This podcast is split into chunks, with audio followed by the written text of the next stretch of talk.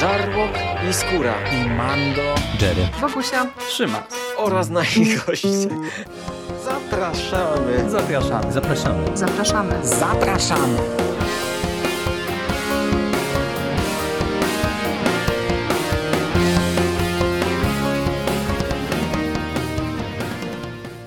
Cześć, z tej strony Michał Rakowicz, czyli Jerry i zapraszam Was dzisiaj na pierwszy odcinek czegoś, co kiedyś już miałem w planach, czyli przeglądu komiksowego. Tych komiksów ukazuje się u nas bardzo dużo. Ja stwierdziłem już jakiś czas temu, że ja ich czytam też bardzo dużo, a nie o wszystkich jest sens robić e, osobne audycje, albo ze względu na to, że to są jakieś tam dalsze tomy serii, albo że to są komiksy, o których ja nie mam wiele do powiedzenia, albo z jeszcze innych względów. No i uznałem, że będę robił e, właśnie takie podcasty zbiorcze i dzisiaj na pierwszy z nich Was zapraszam. E, będziemy mieli e, dwa komiksy ze świata DC, przecięte komiksem z zupełnie innej bajki pod każdym jednym względem, ale o tym za chwilę. Zacznę od e, komiksu, który przeczytałem jako pierwszy w 2021 roku i nie będę ukrywał, że jest to komiks, który mnie bardzo, bardzo mocno rozczarował. E, jest to komiks Deceased, nie umarli w świecie DC. E, ten tytuł to jest komiks, na który ja nie będę ukrywał, czekaliśmy. Myślę, że czekaliśmy wszyscy tutaj w konglomeracie. I to zaczęło się już na etapie zapowiedzi, bo y, y, ta kampania reklamowa, która wokół tego komiksu była, y, między innymi związana z alternatywnymi wersjami okładek, to jest rzecz e, rewelacyjna i ja się bardzo, bardzo cieszę, że te e, okładki wariantowe my tutaj dostaliśmy, bo one są naprawdę fantastyczne. Jeżeli nie mieliście okazji ich zobaczyć, to w zasadzie każda z tych okładek wariantowych to była wariacja na temat jakiegoś ikonicznego horroru. Czyli mamy na przykład Jokera wręczającego czerwony balonik Robinowi, w okładce stylizowanej na to e, mamy tutaj Batmana przemienionego, który czyha na Poison Ivy e, jako e, przeróbkę plakatu do Koszmaru z ulicy Wiązów. Mamy jakieś mroczne chyba tutaj akurat w tym przypadku Młodych Tytanów jako inkarnację okładki do Straconych Chłopców i tak dalej, i tak dalej. Rewelacyjne są te okładki.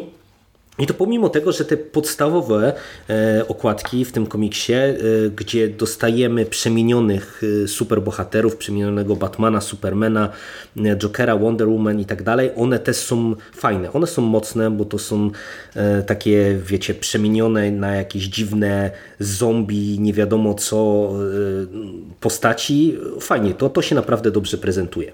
I w zasadzie, jakbym był złośliwy, to bym powiedział, że to jest najlepsza część całego tego komiksu, ale no wyjaśnię może zamiast się wyzłośliwiać, dlaczego ten komiks mnie tak bardzo rozczarował. E, to wydanie zbiorcze, które my tutaj dostajemy, to jest komiks, który zbiera w sobie główną miniserię sześciozeszytową, oraz jedną e, dodatkową opowieść A Good Day to Die. E, mówię, że jedną, dlatego że e, też tych historii dodatkowych w ramach Deceased było dużo więcej, no ale u nas to, to akurat tak zostało wykonane, jak zostało wykonane. Co prawda warto wspomnieć, że Egmont zapowiada, że będzie również wydany u nas komiks Deceased Niezniszczalni, czyli jeszcze jakaś dodatkowa opowieść. Z tego co ja sobie doczytałem, e, to będzie historia, która będzie zbierała e, kilka zeszytów e, Unkillables, czyli komiksu, który był właśnie też dodatkowym takim materiałem do A Good Day to Die, do, do tej głównej serii. Ale szczerze mówiąc, ja nie wiem, czy ja po to sięgnę, bo, bo nie wiem, czy tak naprawdę jest sens. E, o czym jest ta główna historia? E, otwarcie pokazuje nam e, całą Ligę Sprawiedliwości, superbohaterów ze świata DC, którzy no, jakoby pokonują Darkseida. Jakoby, dlatego że udaje im się go teoretycznie pokonać, gdzieś tam wysłać, natomiast okazuje się, że tak naprawdę mm, on nie został pokonany, tylko wycofał się z naszego świata do Apokalips, ponieważ no, zależało mu na e, stworzeniu e, tego równania antyżycia e, i okazuje się, że on porwał cyborga, który jest właśnie jedną z części składowych, która ma pozwolić Darkseidowi na to równanie antyżycia stworzyć czy ulepszyć. On zamienia cyborga na E, właśnie takiego, takiego technobiologicznego wirusa, który jest właśnie tym e, równaniem antyżycia e, w zasadzie sam w sobie, w sobie i odsyła go na ziemię. Cyborg, który się pojawia w Metropolis z automatu od razu infekuje najpierw technologię, no bo tak jak mówię, to jest wirus technologiczny częściowo, który się przenosi przez Wi-Fi, czyli każdy, kto jest, był podłączony do sieci w momencie pojawienia się cyborga w Metropolis od razu został zainfekowany, e, a do tego e, oczywiście ten wirus przenosi się też e, biologicznie, czyli po prostu ludzie zakażeni, którzy zamieniają się w takie krwiożercze bestie, takie bardzo szybkie, brutalne quasi zombie, no to mogą kogoś zaatakować i oczywiście jeżeli ten ktoś zostanie pogryziony, no to, to zamienia się właśnie też w tak takie quasi zombie. No i e, w związku z e, tym, że cyborg był e, od razu zalogowany do sieci, no to się okazuje, że skala zarażenia na całym świecie jest bardzo, bardzo duża i wirus zadziwiająco szybko się rozprzestrzenia, no i nasi superbohaterowie będą musieli jakoś zebrać szyki i spróbować dać odpór wirusowy, wirusowi. No oczywistym jest, że cała masa superbohaterów też ucierpiała. I to jest też jeden z niewielu y, plusów e, tego komiksu. E, dlatego, że e, Tom Taylor, który jest scenarzystą, przynajmniej w kilku przypadkach pokusił się o E, ciekawą zabawę z e, ikonografią danego bohatera e, i z tym, jak ta postać zginie, w jakich okolicznościach, czy w jakich okolicznościach się przemieni i jak później będzie działała na przykład właśnie jako ta postać przemieniona. Tu weźmy chociażby na przykład Aquamana albo Batmana. To są ciekawe rzeczy. Całościowo niestety moim zdaniem ta historia nie działa i nie działa na kilku poziomach. Po pierwsze, widać bardzo mocno, że to jest po prostu wariacja na temat Marvel Zombies y, Kirkmana, y, które już lat temu było u nas także wypuszczone, nawet w wielkiej kolekcji komiksów Marvela. Tam, tamten komiks był fajny, no bo to była właśnie też taka wariacja o świecie, gdzie superbohaterowie i superzłoczyńcy zostali zarażeni wirusem zombie, ale tamten komiks był brutalny, był mocny horrorowo, ale był też zabawny na swój pokręcony sposób E, czuć było, że po prostu Kirkman miał serce i miał pomysł na tamtą historię i po prostu w ramach takiego alternatywnego uniwersum sobie poszalał. Tutaj e, Taylorowi to się nie do końca udało. E, ja lubię tego scenarzystę, chwalę go, wielokrotnie już chwaliłem go za All New Wolverine, które on pisze, ale tutaj coś ewidentnie nie pykło. Ta historia jest za szybka na zbyt dużą skalę. E, mamy tutaj zbyt dużo, e, dużą liczbę postaci i to się przekłada na to, że ja się niespecjalnie jestem w stanie zaangażować. Wiecie, tutaj naprawdę co kadr to widzimy jakiś kolejny atak, e, kolejny zgon, próbę zapanowania nad całą tą kryzysową sytuacją i to jest tak sobie prowadzone. Naprawdę. Taylor, który wykazuje się dużą lekkością w pisaniu All New Wolverine, e, tutaj ma naprawdę wyjątkowo ciężką rękę. E, jest tylko kilka, naprawdę kilka e, elementów, takich momentów humorystycznych, które się sprawdzają całkiem nieźle jako taki przerywnik, chociażby tutaj w kontekście Green Arrowa czy Black Canary, które w ogóle chyba to jest jeden z najciekawszych wątków. Może oprócz jeszcze wątków syna Batmana i Damiana Wayna, którzy się będą musieli zmierzyć z tym, co się stało z ich rodzicami. Ale tu od początku dla mnie już wszystko nie działa. Wiecie, samo to wprowadzenie, czy sprowadzenie tego równania antyżycia na Ziemię w postaci cyborga i to wszystko, to jest po prostu techno-bełkot na poziomie science fiction z lat 50. I okej, okay, powiecie, że w superbohaterszczyźnie tak to zawsze mm, bywa, czy często tak bywa. Przyjmuję to do wiadomości, ale nie, nie musi mi się to absolutnie podobać, bo, bo, bo to po prostu według mnie nie zadziałało. Tych scenek rodzajowych, tak jak mówię, dostajemy tutaj bardzo dużo. One są lepsze lub gorsze, e, natomiast całościowo największy problem mam z tym, do czego ta historia prowadzi. No bo widzimy próby zapanowania nad tym wszystkim po takim początkowym, naprawdę bardzo, bardzo dużym kryzysie. Gdzieś tam nasi superbohaterowie i superzłoczyńcy z nimi sprzymierzeni e, próbują ogarnąć sytuację, w pewien sposób im się to udaje, no ale uznają, że Ziemia w zasadzie jest stracona i trzeba e, ludzkość ewakuować ewakuować. No i zaczynają realizować swój plan. No i tak jak e, wspomniałem, że na dzień dobry dostajemy Technobełkot rodem z lat 50., to finałowe rozwiązania również są rodem z science fiction lat 50., bo nagle okazuje się, że rozwiązania fabularne, które tutaj dostajemy, no to wiecie, w kilka dni budujemy jakieś wielkie statki kosmiczne, które mają ewakuować część ludzkości. Mm, oczywiście będziemy mieli patetyczne przemowy, oczywiście będziemy mieli e, poświęcenia się superbohaterów i superzłoczyńców i tak dalej, i tak dalej. I to jest naprawdę słaby komiks, po prostu. E, jeżeli czegoś miałbym się tu dobrego doszukiwać, to on całkiem nieźle wypada horrorowo. Tutaj pod tym kątem czuć, że mm, Taylor mógł sobie poszaleć i mamy sporo efektownych zgonów, sporo efektownych kadrów, e, przybycie e, zawirusowanego Aquamena w którymś momencie to jest naprawdę kadr, który robi wrażenie i to nie jest jedyny z takich kadrów. Całkiem spoko jest ta historia dodatkowa czyli to jest dobry dzień na śmierć, w której e, pojawia się innymi Konstantin. E, to jest taki sobie e, całkiem niezły przerywnik w, w tej większej historii, od tej większej narracji, ale no mówię, całościowo nie kupił mnie ten komiks. Uważam, że Marvel Zombies, które było oparte na podobnym koncepcie, jest z komiksem dużo lepszym, dużo lepiej napisanym, z dużo lepszym wykonaniem tego prostego tak naprawdę pomysłu. I ja y, nie polecam. Y, naprawdę, uważam, że ten komiks nie jest wart, y, aby po niego sięgnąć. Nie rozumiem, dlaczego było tak dużo pozytywnego odbioru wokół Deceased, bo pamiętam, że ta historia się naprawdę z ciepłym odbiorem spotkała, a ja trochę nie wiem, mówię, dla kogo jest ten tytuł. Mnie kompletnie, ale to kompletnie do siebie nie przekonał.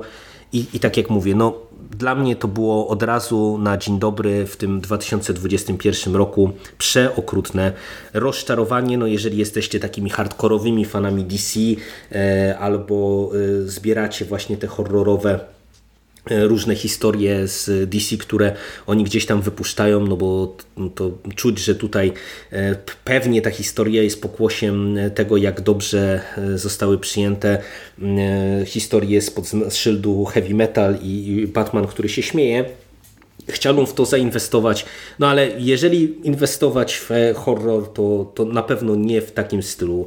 Myślę, że tutaj y, mniejsza skala, skupienie się na kilku postaciach, y, skupienie się na jakimś pewnym wycinku wątku y, zadziałałoby tylko lepiej dla tej historii, a tak niestety to jest taki przykład ciężko strawnego eventu, który no dla mnie jest czymś, co, co mówię, jest kompletnie pomijalne w, e, przy tym wysypie bardzo dobrych komiksów. I zanim przejdę do drugiego e, tytułu ze stajni DC, przerywnik w postaci komiksu bardzo nietypowego. Komiksu Loteria Shirley Jackson, wydanego przez Marginesy, i jest to komiks, który jest zaadaptowaną wersją opowiadania Loteria, zaadaptowaną przez Milesa Hymana. Jest to wnuk e, Shirley Jackson. Przy czym to jest człowiek, który raczej nie dlatego sięgnął po loterię. Mówię raczej, bo ja po prostu mam lekką alergię po Dakre Stokerze, który popełnił koszmarek Dracula nieumarły jako właśnie, wiecie, nazwisko e, i trzeba kontynuować dzieła większych od siebie poprzedników. Tutaj Hyman nie tyle zdecydował się właśnie na, na adaptację opowiadania Jackson z tego powodu, z tych powodów rodzinnych, co on właśnie tym się zajmuje. Z tego można powiedzieć żyje, czyli adaptuje właśnie różnego rodzaju klasyczne opowiadania, powieści na wersję komiksową i to jest komiks y, poprawny. Y, tak jak wspomniałem, jest y, to tytuł wydany przez Marginesy, które mocno wkroczyło w, komiksy i to głównie właśnie skupiając się na takich tytułach mniej typowych, na powieściach graficznych, na zamkniętych albumach zbiorczych i komiksach dla takich czytelników, którzy szukają w komiksach e, czegoś innego. Ja bym nie powiedział nawet, że ambitniejszego, tylko właśnie czegoś innego, formalnie, fabularnie. I teraz tak, Fabularnie no, jest to jeden do jednego adaptacja e, słynnego opowiadania Loteria Shirley Jackson, e, które ja bardzo lubię. E, ja w ogóle mam słabość do Shirley Jackson po tych dwóch jej powieściach. Bardzo bym chciał kiedyś się zabrać właśnie za większą ilość jej opowiadań. Loterię czytałem kilkukrotnie i pomimo tego, że ten tekst ma już no naprawdę przecież mnóstwo lat na karku, on się nic nie zestarzał. I żeby się z tym rozprawić, niestety mam wrażenie, że ta komiksowa adaptacja odarła ten tytuł z siły oddziaływania. Nie wiem, z czego to wynika, bo tu y, Hyman zastosował metodę, która moim zdaniem jest ciekawa i zaadaptował loterię głównie na bazie y, wizualiów. E, on ma bardzo charakterystyczny styl rysowania, e, oparty na realistycznej, takiej wręcz fotorealistycznej grafice. To wygląda czasem jakby to były no, na bazie zdjęć robione rysunki i to wypada fajnie, i, mamy głównie operowanie właśnie narracją graficzną, czyli tutaj tekstu jest bardzo mało, naprawdę. Teksty są ograniczone do, dosłownie do kilku jakichś tam drobnych zdań, e, do kilku wtrąceń, do kilku dymków, które mają nas wprowadzać w sytuację. I pomimo tego, że to był, wydaje mi się, całkiem niezły pomysł, to w mojej ocenie, tak jak powiedziałem, nie do końca to wybrzmiewa. Nie wiem na ile to jest kwestia tego, że e, ja loterię znałem i e, po prostu miałem w głowie z jednej strony do czego to prowadzi, z drugiej strony no ja uważam, że naprawdę to opowiadanie jest szokujące po dziś dzień ono naprawdę e, ma potężną siłę oddziaływania, ale też właśnie dzięki językowi Jackson, no bo ona jest pisarką o bardzo sugestywnym języku. I pod tym kątem to jest opowiadanie i fabularnie, i językowo świetne. Tutaj, kiedy y, warstwę językową, ten charakterystyczny styl Jackson mamy zamienione tak naprawdę na warstwę wizualną, coś z siły oddziaływania niestety mi uciekło i na mnie ten komiks nie zadziałał. Ja go przeczytałem tak zupełnie, zupełnie na chłodno. Nie wzbudził on we mnie żadnych emocji, a to też nie jest tak, że znałem rozwiązanie i dlatego nie wzbudził we mnie emocji, bo e, tak jak wspomniałem, ja czytałem to opowiadanie dwu czy trzykrotnie i za każdym razem na mnie ten tekst działał. I tak jak powiedziałem, no, trochę nie wiem do kogo jest ten komiks zaadresowany. On jest wizualnie fajny. Ta narracja oparta o mm, rysunki y, jest dobrze prowadzona, dobrze wyegzekwowana, ale wydaje mi się, że jeżeli ktoś nie zna loterii, no to powinien sięgnąć po opowiadanie. Jeżeli ktoś zna loterię, no to raczej będzie rozczarowany tak jak ja y, byłem tym komiksem rozczarowany, bo to nie jest zły tytuł, to jest poprawna historia, ale ewidentnie coś tutaj w adaptacji opowiadania na formę komiksową nie zadziałało. No i nie będę więcej tutaj przedłużał. Tyle ode mnie. Tak jak słyszycie, drugie rozczarowanie i to był chyba drugi albo trzeci komiks, który w tym roku e, przeczytałem, więc e, no nie rozpoczął się ten rok dobrze dla mnie komiksowo. I przejdźmy do trzeciego tytułu. Powróćmy do e, stajni DC, e, konkretnie do DC Black Label, które coraz częściej, coraz bardziej systematycznie Egmont wydaje. E, I powróćmy do uniwersum świata powrotu Mrocznego Rycerza i do komiksu Złote Dziecko Franka Millera. Jest to de facto one shot. E, umiejscowiony po rasie panów, czyli po komiksie, który ja w konglomeracie omawiałem, po komiksie, który mi się umiarkowanie podobał. E, i uważam, że tam Azarello z Millerem całkiem nieźle e, pokontynuowali gdzieś tam tę historię. Można ją było czytać z jednej strony autonomicznie, z drugiej strony mm, na tle różne, różnej maści tych komiksów superbohaterskich. Ja rasy panów oceniałem jako e, próbę ciekawą, żeby zrobić coś troszeczkę innego. Zasiadając do Złotego Dziecka, e, miałem z tyłu głowy to, że ten komiks ma fatalne recenzje. Ja w zasadzie ani w zagranicznym, ani w polskim internecie nie spotkałem się z ani jedną pozytywną opinią o tymże tytule. No i e, to e, czyniło mnie ostrożnym z czym e, tutaj będziemy mieli do czynienia, no bo jeżeli tak wszyscy jadą po tym komiksie, no to, e, to, to być może to jest faktycznie jakiś skończony chłam. I nie wiem, czy to jest kwestia obniżenia przeze mnie oczekiwań, czy tego, że mm, dostajemy tutaj trochę coś innego od takiej standardowej superbohaterszczyzny, ale ten komiks mi się dosyć podoba. Z czym mamy tutaj do czynienia? Poznajemy e, Larę e, oraz Jonathana, czyli e, synów, syna i córkę Supermana. Jeżeli czytaliście Rasę Panów, no to Lara tam bardzo mocno borykała się ze swoim dziedzictwem. Z tym, że jest postacią wszechmocną w stosunku do ludzi, postacią quasi boską wręcz i z tym, że nie rozumiała ona, dlaczego e, oni, czyli Superman, czyli ona, e, czyli nie wiem, nawet Wonder Woman chociażby, e, miałaby ludziom pomagać jako właśnie taka istota wszechmocna, skoro no, no, oni są taką kruchą, kruchym motłochem, który no, dziś jest, jutro go nie ma. Po co się nimi w ogóle zajmować? Poznajemy właśnie tę dwójkę i powracamy również do Carrie, która jest osobą, która funkcjonuje w tej chwili jako Batwoman, jako następca Batmana y, w Gotham, y, w tymże uniwersum. No i widzimy Larę i Jonathana, którzy no, latają sobie po mieście, obserwując ludzi, obserwując właśnie śmiertelność ludzi i obserwując rozwój sytuacji, a trafiamy do Gotham, które jest targane E, jakimiś potężnymi zamieszkami e, na tle politycznym.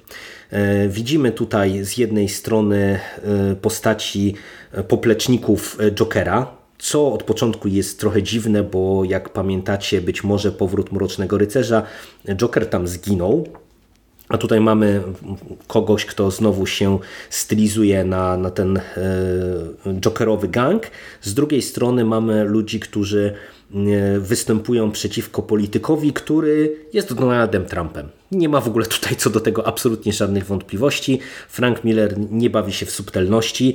Zresztą to jest chyba największy grzech moim zdaniem tego komiksu. E, mamy tutaj polityka, który, przeciwko któremu właśnie ludzie protestują i który po prostu jest Donaldem Trumpem.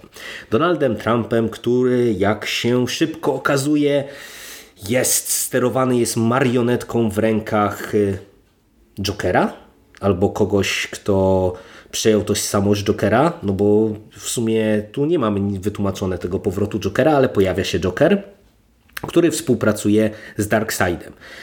Nie wiem skąd się wzięła e, umiłowanie DC do wrzucania Darkseida ostatnio w tych swoich narracjach. Nie wiem, czy to jest kwestia e, sukcesu Mr. Miracle, bo tam postaci właśnie z tego komiksu, to w sumie zapomniałem nawet powiedzieć przy Deceased, że właśnie tam też Big Barda i Mr. Miracle występowali i, i tutaj ich nie uświadczymy, ale pojawia się znowu Darkseid. Darkseid, który no, ma jakiś tam swój określony plan tak naprawdę sprowadzający się trochę do tego, żeby przejąć kontrolę, przejąć władzę nad światem, ale też, żeby wykorzystać te dzieci Supermana i przeciągnąć je na swoją stronę. No bo tak wiedzie ich trochę na pokuszenie, że właśnie dlaczego oni mają stanąć po stronie ludzkości, skoro mogą stanąć po stronie Jego, czyli Boga i, i, i oni jako te istoty półboskie mogą Także właśnie y, kroczyć po, po ziemi, która no, będzie ziemią przynależną y, Darkseidowi i y, jemu podobnym bogom. I tak jak wspomniałem na początku, ten komiks ma fatalne recenzje i ja z jednej strony jestem w stanie to zrozumieć, bo Frank Miller tutaj już powraca w 100% jako scenarzysta. Przy Rasie Panów tam chyba głównym scenarzystą był Azarello. No i widać, że Miller nie wiem, czy to jest kwestia tego, że wyszedł trochę z wprawy, czy próbował emulować ten styl, który zastosował w przypadku powrocie ryce, ryce, Mrocznego Rycerza, czy chciał mu powiedzieć o ważnych sprawach ale naprawdę ten styl jest przeokrutnie ciężki, patetyczny. Tutaj nie dość, że te dialogi, to wszystko jest właśnie takie patetyczne.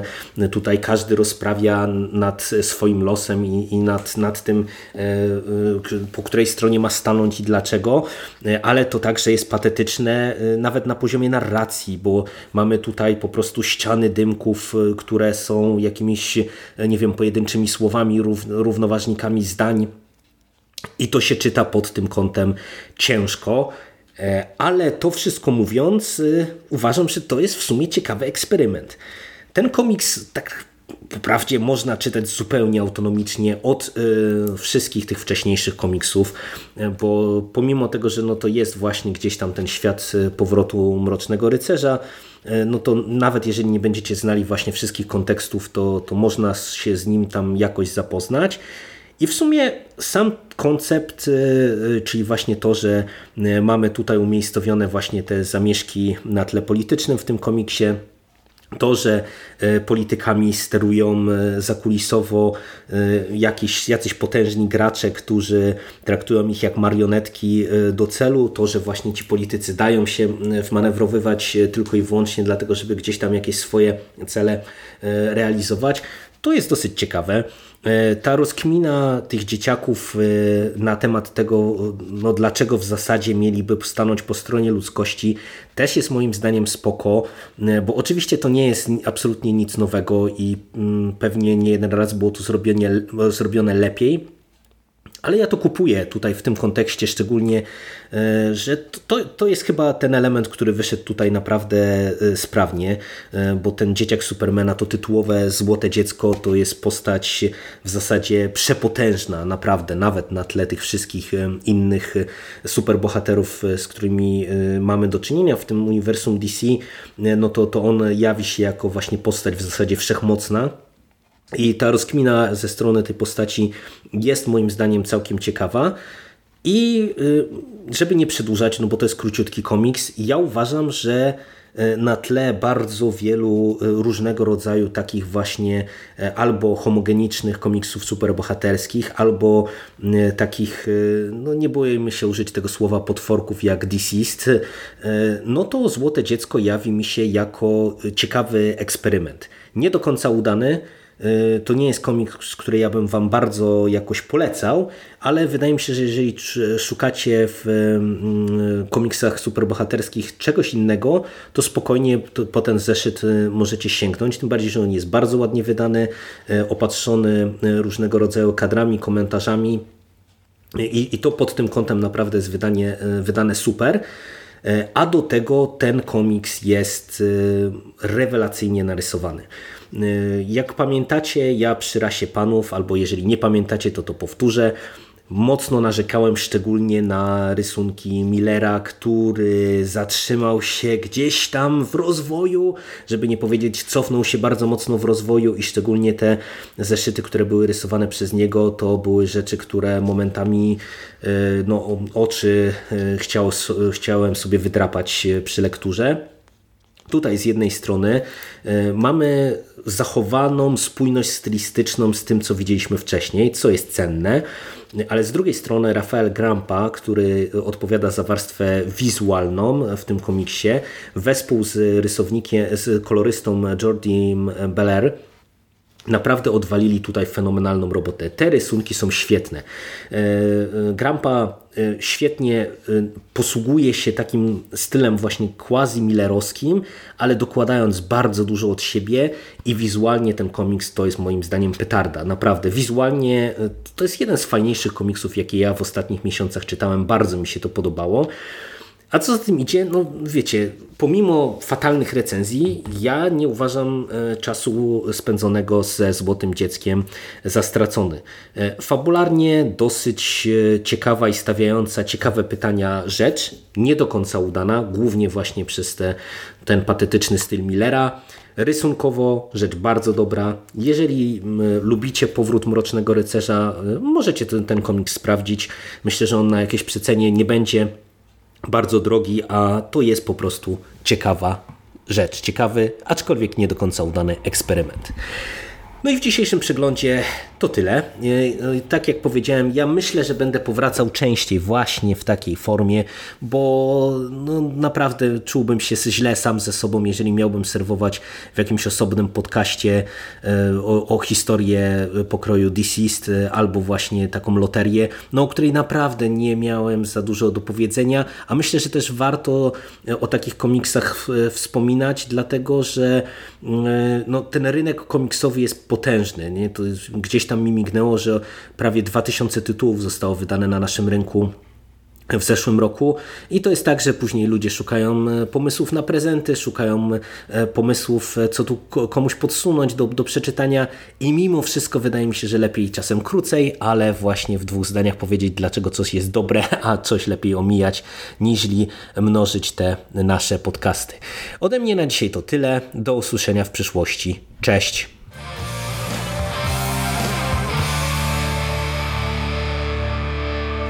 Finished? That's it, man. Game over, man. It's game over. What the fuck are we gonna do now? What are we gonna do?